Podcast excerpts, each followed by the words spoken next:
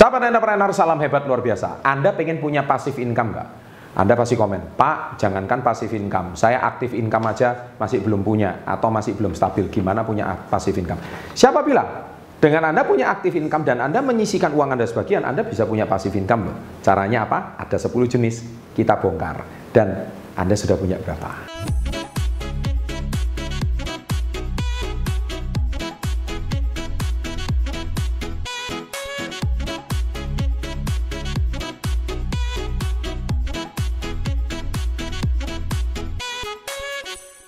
Oke, sebelum saya bongkar jangan lupa subscribe dulu karena ini menarik ya. Uh, loncengnya diaktifkan 3 2 1. Terima kasih. Pasif income itu adalah penghasilan pasif di mana income itu bisa didapat ketika Anda tidur sekalipun, income itu bisa didapat meskipun Anda tidak ngurus bisnisnya, Anda bisa punya financial freedom, Anda juga tidak usah mengelola bisnis Anda tapi income-nya tetap masuk meskipun anda tidak usah mengurus bisnis Anda. Nah, apa saja 10 jenis passive income? Nomor satu, Anda bisa dapat dari yang namanya royalty. Ya, royalty itu pasti. Ya, royalty misalkan Anda hari ini upload musik di Joox atau Spotify, Anda dapat royalty. YouTube contohnya, Anda juga dapat royalty.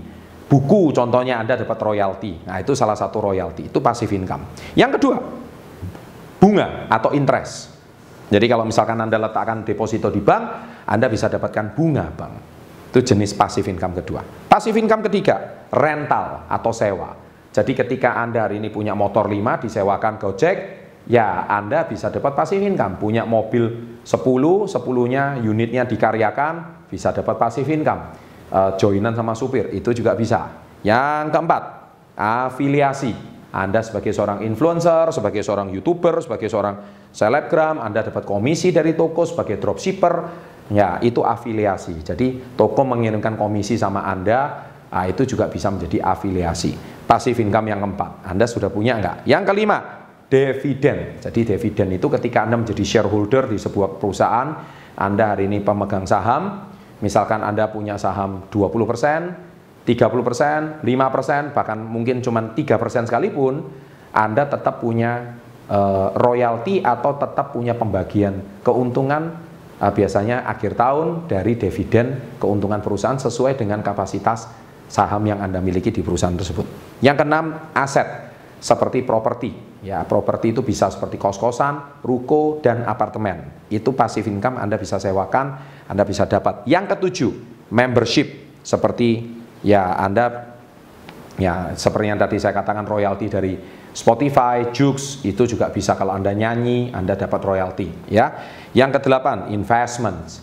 Nah, investment itu bisa berupa saham, bisa berupa emas, ya Anda bisa dapat passive income, ya kan investment juga uh, dari properti, ya kan itu juga bisa, ya dari ada dividen juga itu juga bisa. Kesembilan, advertising atau iklan ya pay per click. Ya jadi misalkan orang iklan di tempat anda itu anda juga bisa dapatkan passive income.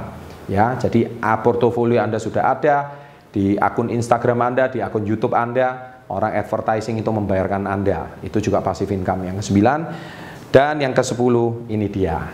Salah satu yang saya sarankan anda juga bisa punya passive income di perusahaan saya yaitu KK Indonesia sebagai reseller produk KK Indonesia yaitu penjualan produk dengan Anda punya penjualan produk, Anda punya customer, suatu hari customer itu repeat order Anda juga tinggal terima repeat order Anda juga bisa dapat passive income. Anda juga bisa mempunyai jaringan reseller juga, reseller itu banyak. Nah, akhirnya setiap penjualan produk Anda mendapatkan royalti dari penjualan produk tersebut. Mana yang belum Anda punya? Ya, selamat mencoba semuanya. 10 jenis passive income Selamat mencoba, kalau belum punya, perbanyak jenis pasif income Anda, diversifikasinya sesuai 10 jenis yang tadi saya sampaikan. Saya doakan Anda punya pasif income yang banyak, sukses, kaya raya, sehat, kaya, dan bahagia.